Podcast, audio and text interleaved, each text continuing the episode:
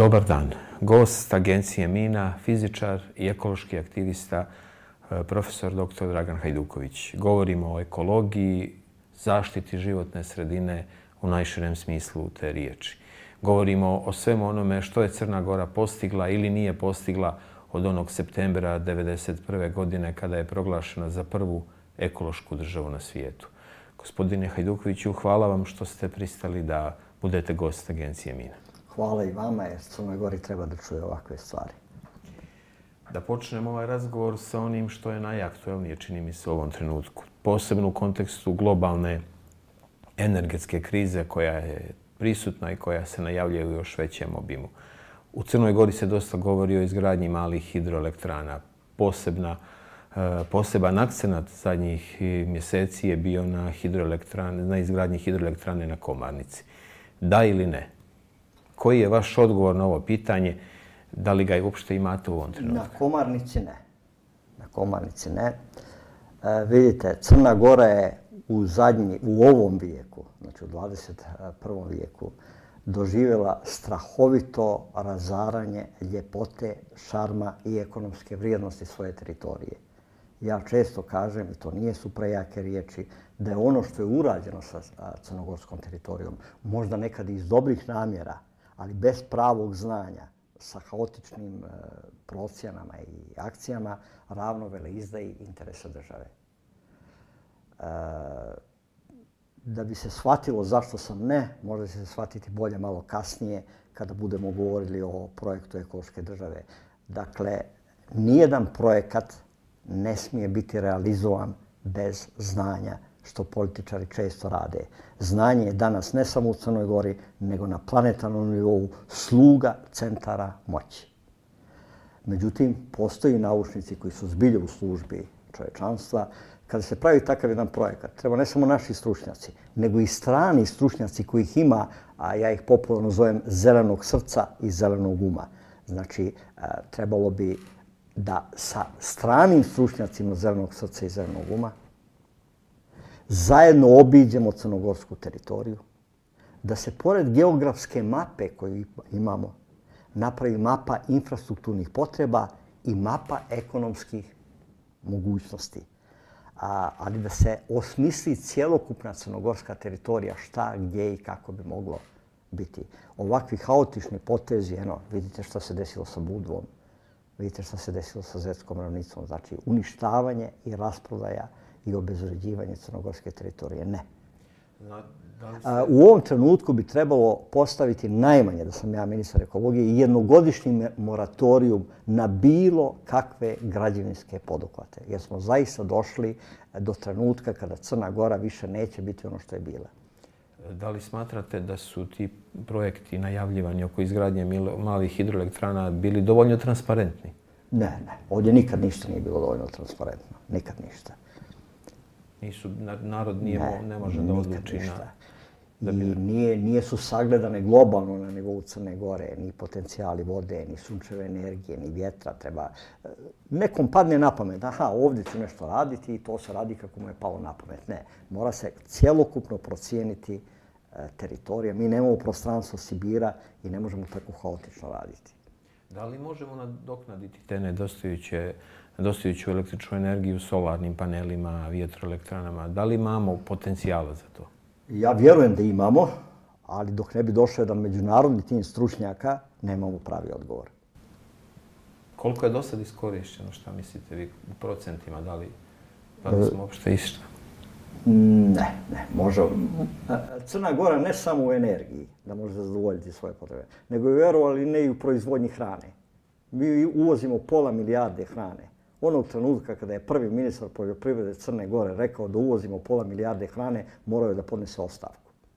Uvozimo nekvalitetnu hranu, trujemo stanovništvo, a Crna Gora po ekonomskoj vrijednosti proizvodnje, znači Crna Gora ne može proizvoditi banane, ne može proizvoditi sve što je treba, ali vrijednost ekonomska cijelokupne proizvodnje može biti veća od potrošnje. Dakle, u tom smislu da smo sebi samo dovoljni u proizvodnji hrane u tom smislu, znači viškom nekih proizvoda kupujemo one koje ne možemo proizvesti.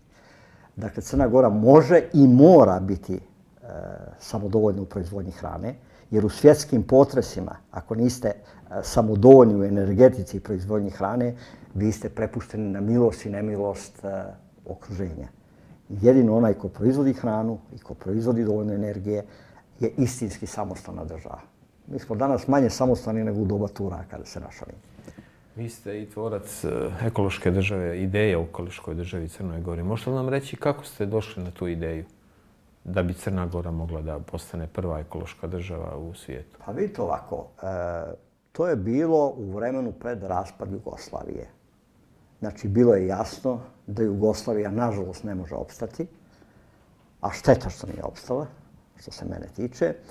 I ja sam već e, 70, 88. E, godine počeo da razmišljam koji je najbolji put Crne Gore kao samostalne države.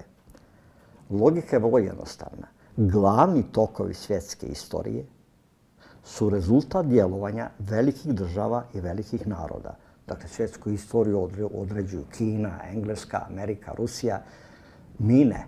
Maleni narod, kao što je crnogorski, može postati svjetski zapažen, značajan i simpatičan jedino ako je u stanju da se uzdigne do primjera nečeg dobrog. Dakle, uzdizanje do visine primjera je bio najbolji razvojni put za Crnu Goru. A jedino polje gdje se Crna Gora mogla odmah i brzo uz pomoć svijeta uzići do visine primjera je bilo da postane e, planetarni pilot projekat i primjer prvog održivog ljudskog društva. Skraćeno sam ja to nazvao ekološka država. Znači, trebalo je na jednom malom dijelu planete Zemlje napraviti jedan pilot projekat i pokazati kako se može organizovati ljudsko društvo da živi, kvalitetno živi u harmoniji sa prirodom. Naravno, e, na prvi pogled e, projekat djeluje utopijski. Ne, nije. E, tačno je da mi ne, sem teritorije koje smo tada imali, nismo imali ni dovoljno znanja, ni dovoljno kapitala, ni dovoljno mogućnosti da napravimo svjetski publicitet. Ali prvi pokušaj stvaranja jedne ekološke države bi naišao na podršku manjinskih dijelova čovečanstva koji su okrenuti u tome pravcu. Treba da se zna sljedeće, da veliki broj slavnih ličnosti u svijetu uh, se bore za promjenu ponašanja na planeti, jer smo svjesni da naša civilizacija ne samo da ide putem samouništenja, nego trči putem samouništenja. Voda, zemlja, hrana i vazduh su zagađeni do zastrašujućih razmjera. Verovali ili ne, životinje u polarnom krugu i na jugu i na sjeveru imaju tragove plastike i pesticida i toksina u organizmu. Klimatske promjene mogu da učine 50%, 80%, možda kompletnu planetu nemogućnost za život. Znači, nastavimo li ovako, mi smo, zavisno od godina sadašnjih, ubice naše djece i naših unuka. E, kao reakcija na te opasnosti, u svijetu postoje brojne slavne ličnosti, brojni naučnici, pojavio se i takozvani društveno odgovorni kapital. Recimo u Ženevi je svjetski savjet za održivi razvoj e, e, na zemlji. E, njihove kompanije prave 8000 milijardi dolara godišnje.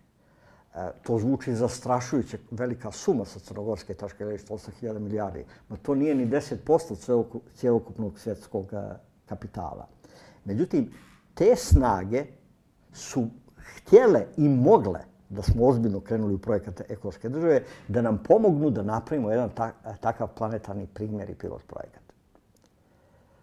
E, dakle, ideja je bila vrlo jednostavna. Ponuditi nešto što je najbolji razvojni put za Crnu Goru, a istovremeno je interes čovečanstva.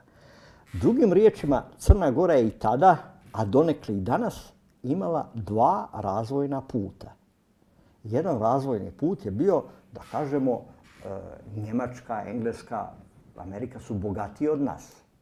Hajde da pokušamo da budemo kao oni. E, odmah ću reći da su ta Engleska, Amerika i Njemačka bolesna društva, jer ne možemo zvati zdravom civilizaciju koja ide putem samuništenja. Dakle, taj razvojni put da budemo kao oni je put imitiranja bogatijih bolesnika. I čitava ekonomija Crne Gore, uvođenje e, liberalnog kapitalizma koji se kod nas pomešao sa elementima feudalizma, a, malo karikiram, ali je suština ta. Pojavili su se moćnici bez kontrole koje ipak ima u tom zapadnom a, društvu. A, dakle, taj razvojni put je da imitiramo bogatije bolesnike. Drugi razvojni put, koji do sada niko nije ni podržavao, ni pokušavao, bio je ovo što ja predlažem. Ne da imitiramo bogatije bolesnike, nego da pokažemo kojim putem bi planeta trebala da se organizuje ako želi da preživi. Recite mi, kome ste prezentovali od tadašnjeg rukovodstva tu ideju? Tada je predsjednik Crne Gore, tačnije predsjednik predsjedništva u kome su tada još bili Sveto Marović, Milica Pejanović-Đurišić, e, slikar Hazbor Nuhanović iz Pjevalja i Slobodan Vujačić, književnik, on je bi iz Nikšića. Ja sam tada otišao kod predsjednika države Momira Bulatovića, On me odmah primio kad sam tražio sastanak. Mi smo razgovarali više od 50 sati, to je bilo početkom 1991. godine. E, on je ostavio tragi u svojoj knjizi e, koju sam pokazao pred emisiju u jednom pogledu ekološka država, utopija koja to nije. On je jedan, to pogled posvetio našim susretima i on bukvalno kaže u tom teškom periodu kada se raspadala Jugoslavija, kada nisu znali šta da rade i kako da odrede novi cilj, pojavila se spasonosna zamisao. I on kaže, doktor Dragan Hajduković, fizičar sa zadivljujućom moći imaginacije, u dugačkim razgovorima mi je objašnjavao kako da Crnu Goru proglasimo i pretvorimo u ekološku državu. E, on je zaista u dobroj mjeri razumio što sam mu pričao zahvaljujući njemu je održana ta skupština na Žabljaku. Na koju vi niste pozvani? Na koju ja nijesam bio pozvan jer sam počinio najveći smrtni grijeh toga vremena, bio sam crnogorac. Krivica nije na Momiru Bulatoviću, bilo je tu okruženje koje nije htjelo jednog crnogorca na Žabljaku. Kako sada gledate na taj period? Pa čujte, šteta što je izgubljeno 30 godina. Prošle godine je Skupština Crne Gore slavila 30 godina ekološke države, a u stvari smo slavili 30 izgubljenih godina u kojima baš ništa nije urađeno. Da li smo sada manje ekološka država nego što smo bili tada? Mi smo, ne samo da nismo ekološka država, nego bih rekao da smo po razaranju šarma, ljepote i ekonomske vrijednosti teritorije postali evropski i svjetski šampion. Ovako malu teritoriju, zbilja je potreban veliki talent sa toliko uspjeha razoriti ovako malu teritoriju. Ovo što smo mi sami sebi uradili, ovo nam ne bi mogu uraditi običan neprijatelj. Trebao bi nam genijalan neprijatelj da nam napravi ovoliko štete. U kojim oblastima? Gdje je napravljeno najviše štete? Šta prepoznajete? Pogledaj, evo, pogledajte ovu budu iz koje sam uh, sada došao jutro. Ono, ono je bio raj na zemlji. U, u Miločeru se ljudi diže i ministar ekologije ne mrda prstom. U Miločeru prošetajte, diže se na ulazu u Miločerski park 10 ili 12 pratova. Pa nema, e, e, mi ako hoćemo da budemo ekskluzivni, ako hoćemo da budemo privlačni, ako hoćemo da budemo jedinstveni, mi ne smijemo tu prirodnu vrijednost razarati svuda, e, sada kada svuda u svijetu shvataju njenu vrijednost i pokušavaju da je zaštite. Govorite o bespravnoj gradnji, je li tako? I bespravna gradnja i raspada. Evo čujem sada će ostrvo Sveti Marko da prodaju, čujem i to. E, tamo je recimo u svoje dobu u komunističkoj Jugoslaviji bio klub Mediterane. E, e danas se ne vidi da je tamo francuski klub Mediterane koji je veoma skup. E, Živeli su u kolibicama od slame. Danas toga ne. Ne vidi se nikakav trag uništenja nikakav trag uništenja. Uništili smo Zetsku ravnicu, uništili smo teritorije za proizvodnju hrane. E, sve čega se dotaknemo, pa da imamo prostranstva Sibira, ne bi trebali tako da se ponašamo, ne na ovako maloj teritoriji. E, Crna Gora sa ovom teritorijom i sa ovim brojem stanovnika bi morala po kvalitetu života biti najbolja država Evrope. E, Naš provincijalni mentalitet i kompleksi manje vrijednosti ne dozvoljavaju da građani shvate da je čak drugo mjesto u Evropi neuspjeh i nesposobnost. Najviše vam primjer Ženeve gdje sam živio. E, svi kažu Ženeva, misle neki veliki svjetski centar. Jeste, jezero se zove Ženevsko jezero po Ženevi, ali Ženeva ima jedan mali ćošak jezera. veliki dio jezera je francuski i veliki dio jezera pripada kantonu e, Lozane, vod. A, samo 12 km od izlaska iz jezera, rijeka Rona je već u Francuskoj. Znači, to je jedan mali kanton sa otprilike pola miliona ljudi, gdje je gustina stanovništva 1300 ljudi po kilometru kvadratnom. U Crnoj Gori je 48. Znači, 27 puta je veća gustina stanovništva nego u Crnoj Gori, sa samo jednim malim dijelom jezera i dvije riječice koje prolaze djelimično kroz uh, kanton. I oni bogati, a mi siromašni. Zar vam je to logično? E, da biste shvatili tu gustinu naseljenosti, zamislite kad bi se kompletna Crna Gora preselila u opštinu Cetinje. Znači 600.000 ljudi se naš, na, nalazi u opštini Cetinje. Mi ne samo da ne bi bili bogati kao Ženeva, nego bi morali poslati ljudožderi oni koji će da prežive. Dosta je, do, dosta je tih neiskorišćenih e, šansi. E, neiskorišćenih šansi. E, do sadašnje vlasti u Crnoj Gori nije su vodili Crnu Goru ni sa mudrošću, ni sa znanjem, ni sa potrebnim patriotizmom. Neću nikoga da osuđujem, bilo je što je bilo, ali zaista po meni je današnja ocjena da je Crna Gora dovedena na pragne stajanja i morali bismo se brzo i žestoko trgnuti i ponašati na bitno drugačiji način. Mislite i u političkom i u ekonomskom smislu? Naravno, naravno, naravno. Ja i dalje mislim da bi Crna Gora trebala da pokuša da bude ekološka država, dakle da se okrene društveno odgovornom kapitalu, da se okrene naučnicima koji su mnogo više u službi čovečanstva nego u službi centara moći. Znači, koliko bi slavnih ličnosti eh, ja kad razgovaram sa strancima o projektu ekološke države, a pisao sam pored knjižice na našem jeziku 1991. godine, 1993. je štampana jedna knjižica u Švajcarskoj, uh, E, ja strancima priču o ekološkoj državi, njima se to svidi, završavam ovim rečima. Znate li kakvu Crnu Goru želim? Želim Crnu Goru koja je bila tako dobra da biste je vi doživljavali kao svoju drugu domovinu. I onda oni e, to drugačije sagledaju. Zamislite danas, danas od tih 500 miliona ljudi u svijetu, znači te manjine koja je svjesna opasnosti i katastrofe koje se prilažimo, Zamislimo da na samo 1% od tog humanijeg i mudrijeg dijela čovječanstva doživljava kao svoju drugu domovinu. To je 5 miliona ljudi. Zamislite da vas 5 miliona ljudi u bogatim državama svijeta doživljava kao svoju drugu domovinu. Šta Crna Gora može više? E, država se brani kvalitetom države. Imamo li vremena mi sada nakon ovih 30 godina za koje kažete da su izgubljeni? Imamo li vremena da, da, da učinimo bar nešto po tom pitanju? Pa, bilo bi vremena kad bi političari koji ne znaju da rade, bar dozvolili da neko pokuša da radi. Vi ste probali nekoliko e, puta? ja sam probao od Momira Bulatovića do recimo sada, evo, Dritana Bavrović je predsjednik zelene partije, uh, ali, ali ja, ja u njemu ne vidim čovjeka zelenog srca i zelenog uma. To je više uh, u službi napretka. Zelena ideja u službi napretka političara. Ja inače ne volim zelene partije. Ja volim ljude, građane zelenog srca i zelenog uma.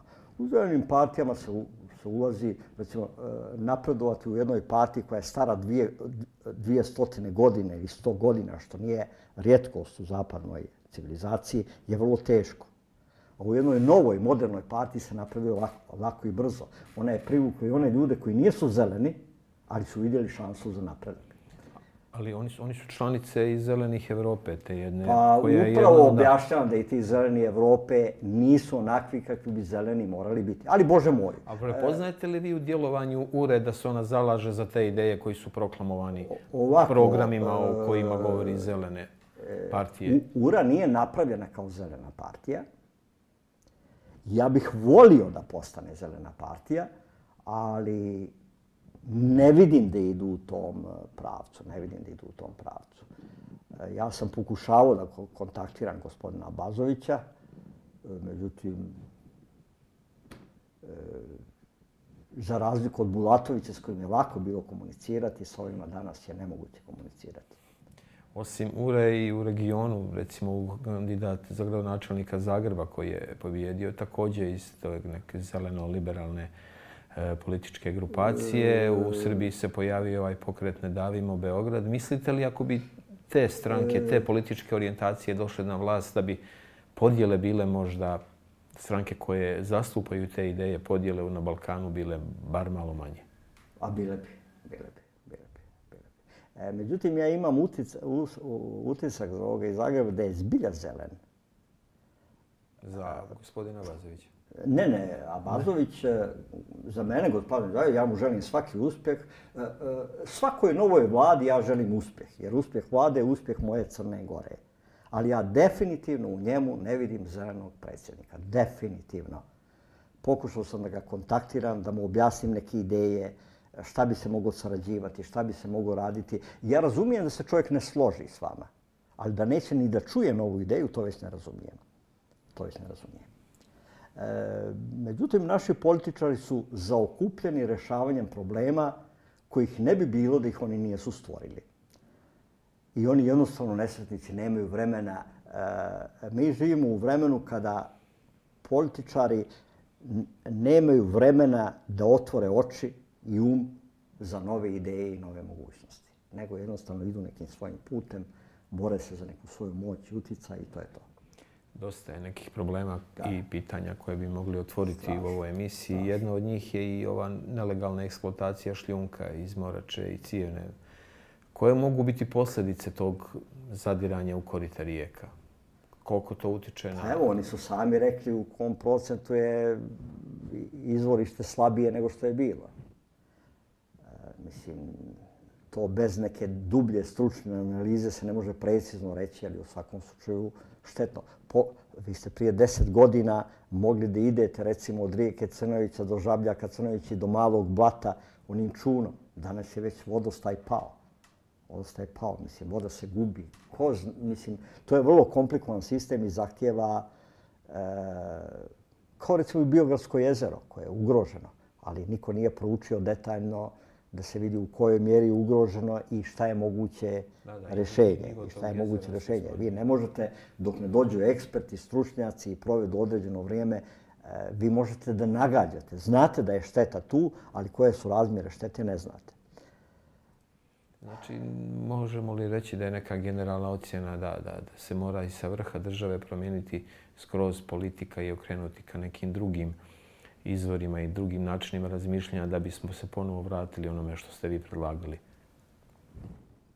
Nažalost, ja ne vidim da su današnji političari nijedne partije e, sposobni za zaokret. Kada bi mene, od mene tražio neki recept kako da se možda osvježi politička scena u Crnoj Gori, ja sam to predlagao i pred prošle i pred pretprošle izbore, da svi crnogorski političari koji su 12 ili više godina bili u vrhu vlasti, dakle bilo poslanici u Skupštini, bilo predsjednici države, bilo predsjednici vlade, bilo ministri, odu u političku penziju. Ne da odu zato što su loši ili nešto, nego jednostavno da odu u političku penziju jer su 12 ili duže godina bili u vlasti. Mislim da u svim partijama, u drugim redovima, ima mladih ljudi koji bi mogli drugačije da razmišljaju. I koji nemaju toliku moć da budu apsolutisti kao što su ovi sada. Poseban problem u Crnoj Gori su i ove deponije. Koji te kod Nikšića ova deponija Mislov do, svako malo pa gori. Na Žabljaku imamo situaciju koja je prijestolnica ekološke države da je de, skoro deset godina nijesu u stanju da riješe problem odlaganja otpada i pored uloženih miliona u deponiju koju su tu. E, zašto država ne može da riješi ovaj problem? I koliko bi Crnoj Gori trebalo sanitarnih deponija ili na koji način bi trebalo riješiti problem odlaganja Vidite, otpada? E, da smo mi zaista pokazali želju da budemo ekološka država. Znate vi da je hiljadu milijardi dolara godišnje donacije u svijetu.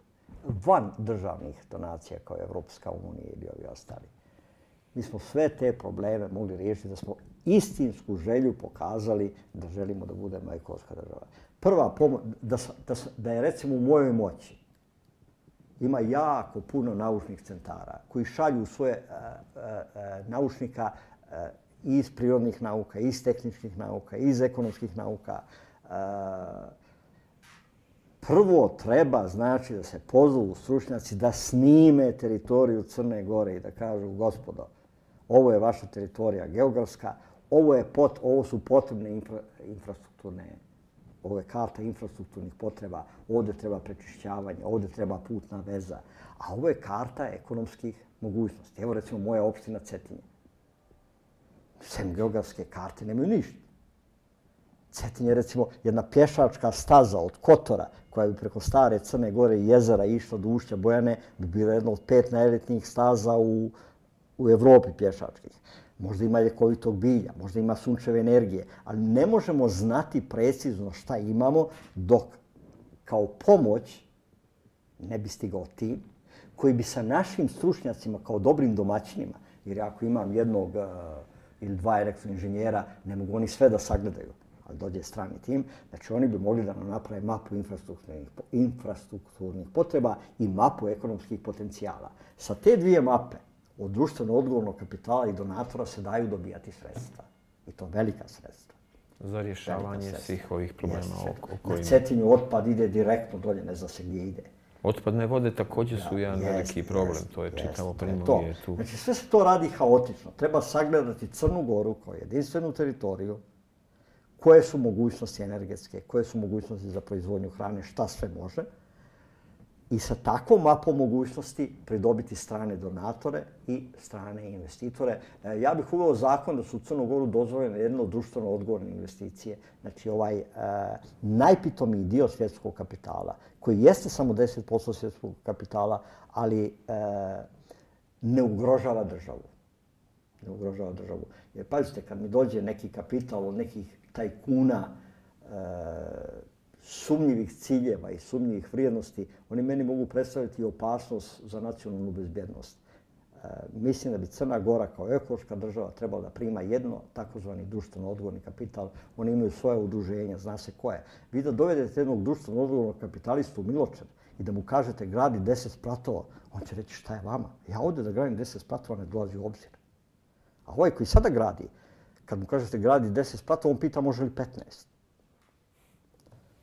Dosta je priče bilo. Dakle, ovdje je problem u ome što ja pričam i u ome što oni rade. Mi imitiramo bogatije bolesnike. Cilj ekološke države je da pokažemo pravi put, naravno uz pomoć onog dijela čovečanstva koji se bori za takav put i kome su takvi primjeri potrebni.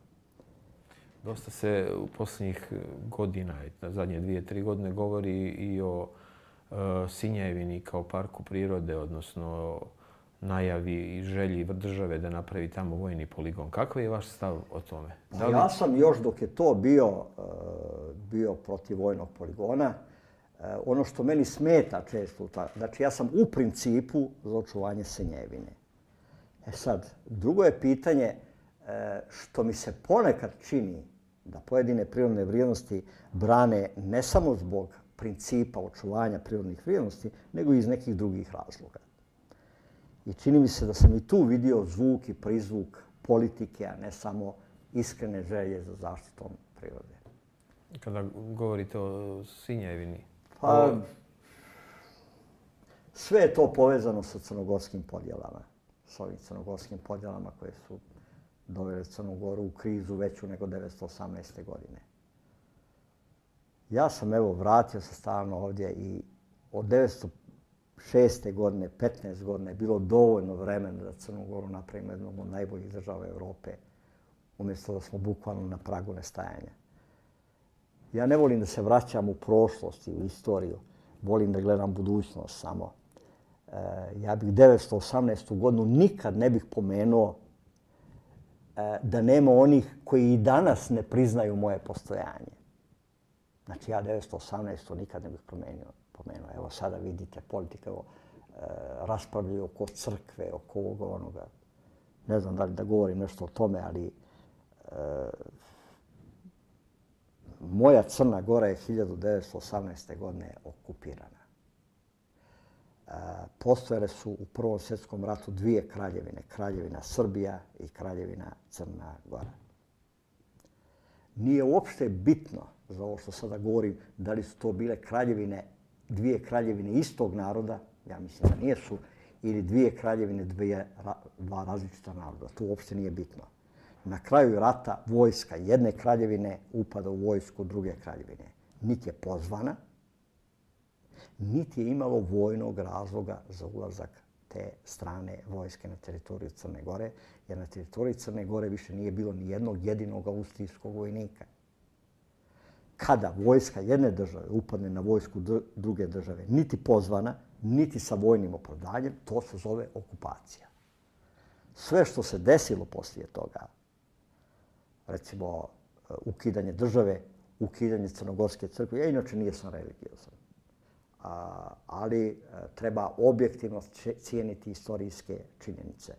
Znači, sve su to odluke okupatora. Kralj Aleksandar donosi odluku da se ukida Crnogorska crkva i Karlovačka isto. Samo tamo da se napravi jedinstvena crkva tadašnje jedinstvene države, što ima logike sa tadašnje jedinstvene države da mi u nju nismo ušli silom. A... Ostaćete u Crnoj Gori, vratili ste se. Da li još imate namjeru da se bavite politikom? A, ja, se, ja, se, ja se nikada nisam bavio politikom. Da budete... Ljudi me često pitaju što se baviš politikom. Ne, ja se ne bavim politikom. Stanje u državi je toliko loše da je preduzeti nešto postalo pitanje samoodbrane, a ne pitanje politike. Zašto sam ja bio predsjednički kandidat na izborima 1992. godine i 2003. kasnije? Naravno, nije sam lud. Znam da izbore ne mogu dobiti bez jake partije za mene, bez ogromnih finansijskih finansijskih sredstava iza mene. Znači, izbore ne mogu dobiti. Zašto onda učestvuješ na izborima? Da se čuje drugačiji glas. Ako jedan, dva ili tri posto stanovnika shvati da postoji neka dobra ideja i to je neki napredak. A, međutim, sada, pošto sam stan u Crnoj Gori, pokušat ću da se borim koliko mogu da Crna Gora sa, sa bolesničke postelje ponovo ustane na noge, sa samrtničke postelje ponovo ustane na noge. A, koliko ću uspjeti, jer bukvalno se poslije 30 godina odsustva, a i prije toga sam živao po raznim krajima Jugoslavije, bukvalno se osjećam kao stranac. Vidjet ću hoću li ove godine uspjeti da okupim dovoljno ljudi da pokušamo da napravimo neke akcije kao što je recimo onaj forum o kome sam pričao nedavno. Dokle, kakav je situacija sa forumom? Pa vidite, ja sam e, ovo stanje u svijetu, dakle postojanje slavnih ličnosti nauka, e, naučnika i društveno odgovornog kapitala koji su veoma zabrinuti za budućnost i opstanak čovječanstva, e, i činjenicu da je odavde potekla ideja ekološke države, e, pokušao da kombinujem na obostrano koristan način. Dakle, od januara prošle godine razgovaram sa tim krugovima koje poznajem da se u Crnoj Gori pokrene i stalno održava svjetski forum za održivo društvo na zemlji. E, taj svjetski forum za održivo društvo na zemlji bi E, Crnoj Gori donosio svjetski ugled i simpatije, a planetarno cilj foruma bi bio da doprinese najvažnijem i najhitnijem zadatku čovečanstva, a to je prelaz sa sadašnje neodržive organizacije ljudskog društva na održivu organizaciju ljudskog društva. E, naučnici tu i kako imaju šta da kažu. Dakle, prvi dio foruma bi bio skup naučnika, naučna konferencija, multidisciplinarna, gdje bi se razmatralo u, do kog stepena smo uništili sisteme za održanje života na zemlji, znači atmosferu, hidrosferu, litosferu, kakve su posljedice na biljni životinski svijet i ljude, dakle biosferu, i da vide šta treba preduzeti da se to razaranje zaustavi, e, kakve su posljedice ukoliko se to razaranje ne zaustavi. Znači, to je bio jedan čisto naučni skup. Međutim, cilj je da na drugom dijelu foruma prisustuju i političari, i slavne ličnosti, i e, velike nevladine organizacije, i društveno odgovorni kapital. I taj drugi dio skupa bi bio dijalog između naučnika i društva. Znači, naučnici bi ostalim dijelovima društva objašnjavali da smo došli blizu tačke bez povratka. Dakle, čovečanstvo je na putu samoništenja. To nije moje mišljenje. To je stav, generalni stav ogromne većine naučnika da bi se čovječanstvo zaustavilo na putu samouništenja, e, ključna stvar koju treba uraditi, to je da naučnici i znanje dobiju moć koji do sada nikada nisu imali na planeti. I dokle se stiglo sa, sa forumom? Da li e, evo reći ću ovo. Šta hoću da kažem s ovim? Mi trenutno imamo zakonodavnu, izvršnu i sudsku vlast u svim demokratskim društvima. Gde je tu znanje? Bo znanje uopšte nema. Ako ih nešto zanima, oni pitaju ljude koji znaju, ali oni odlučuju hoće li to znanje biti e, poštovano ili ne. U borbi za opstanak naučnici moraju dobiti moć da zaustave svaku samoubilačku aktivnost čovečanstva. Moj ekstremni prijedlog, još od 32 godine star, vjerovatno na forumu e, će biti mm, razmatrali neke blaže varijante. Moj prijedlog star 32 godine je bio da pored izvršne, zakonodavne i sudske vlasti uvedemo četvrtu vlast, vlast znanja. Na primjer, ako bismo imali jedan međunarodni tim stručnjaka posvećen projektu ekološke države Crne Gore, ne može se, Boga mi, uraditi ništa što na osnovu najboljeg znanja taj tim procenjuje da je loše za Crnu Goru. Vidite, vi e, kad hoćete da učite engleski, ne idete u Španiju, nego u Englesku ili Kanadu ili Ameriku.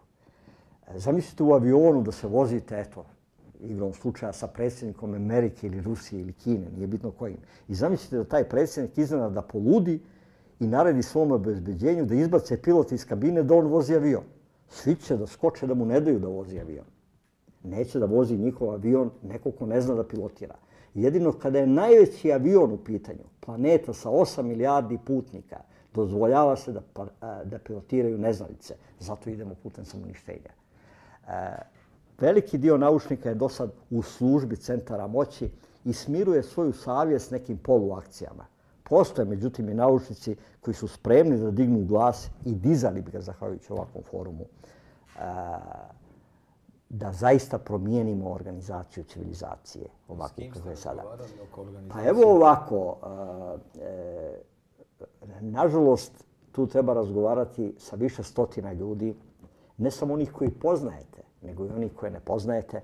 Meni je trebalo dvoje, troje plaćenih saradnika koji bi radili što im kaže. Ja sam sve radio sam, do duše malo uz pomoć sine i čerke koji su mi zlatni, završili su dobre škole i E, dobro rade, mada nažalost na polju. Dakle, kontaktirao sam recimo, e, evo primjer jedan, Conservation International, to je jedna velika organizacija američka koja ima veći budžet od Crne Gore. E, oni nisu poznati kao Greenpeace, recimo, zato što ne dižu takvu buku, takvu galamu. Oni jednostavno pokušavaju, kada se pojavi neki problem, da ga sagledaju, da vide šta mu je rešenje. E, postoji jedna unija savjesnih naučnika, postoji ovaj svjetski biznis savjet za održivi razvoj, a postoje recimo i lična poznanstva. E, to što je recimo jedan od prijatelja Nobelovac za astrofiziku, e, ne znači da nema mjesta na takvom skupu e, on do duše ne zna sve o problemima e, e, koje stvaramo za opstanak čovječanstva, ali svojim ugledom i imenom daje glas za opstanak čovječanstva i za jedan takav forum. E, zamišljeno je da u septembru 30 do 40 e, ličnosti iz tih raznih krugova, znači društveno odgovorni kapital i neki univerziteti, dođu ovdje u Crnogoru i da usvojimo koncept foruma koji sam ja do duše predložio i razradio, ali ne želim da to bude moj individualni koncept, nego da na tom skupu u septembru bude razrađen, dograđen, poboljšan, da bi možda sa pravim e, forumima počeli iduće godine u maju.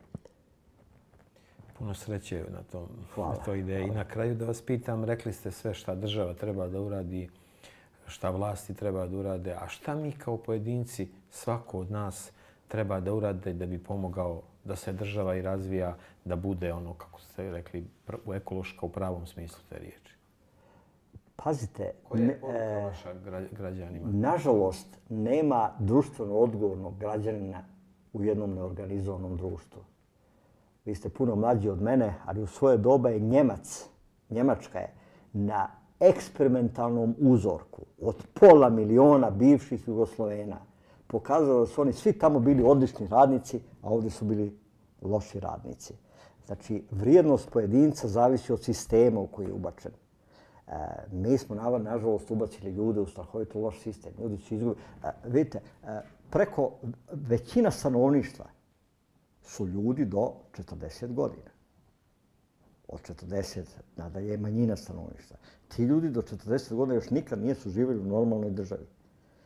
Šta bi ja poručio? E, ja ću pokušati, pokušati, ali ja sam jedan čovjek iz strana svoje države, evo, možda će se naći, upoznao sam već nekoliko kvalitetnih ljudi, da pokušamo da malo i građane zainteresujemo. Jer građani bi trebali da osjete nadu da bi se aktivirali. Ima ovdje mnogo kvalitetnih ljudi nego što mi mislimo. A političari, političari bi trebali, evo, e, ja predlažem jedan ovakav forum, predlažem ekološku državu. Šta smeta političarima da dozvole jednoj grupi da radi na tome? Vi imate vašu vladu, dajte nama šansu da radimo na tome. Dajte nam samo 12 mjeseci, pa poslije 12 mjeseci ocijenite da li su naši rezultati dovoljno dobri da idemo dalje. Ja sam to recimo rekao ovome gospodinu Abazoviću. E, da li je čuo, ne znam, on sam mu rekao. Eh, a i nekima prije njega. Ja bih u ovom trenutku, igrom slučaja, mogao jako puno da pomognem Crnoj Gori ali naravno ne proti bolje politike i ne bez medijske podrške, ne bez razumijevanja građana, ne bez, ne znam, ne znam, evo, e, možda ću od septembra svojim forumom krenuti bolje, ali ne znam. Hvala vam puno, gospodine Hajduković. Hvala.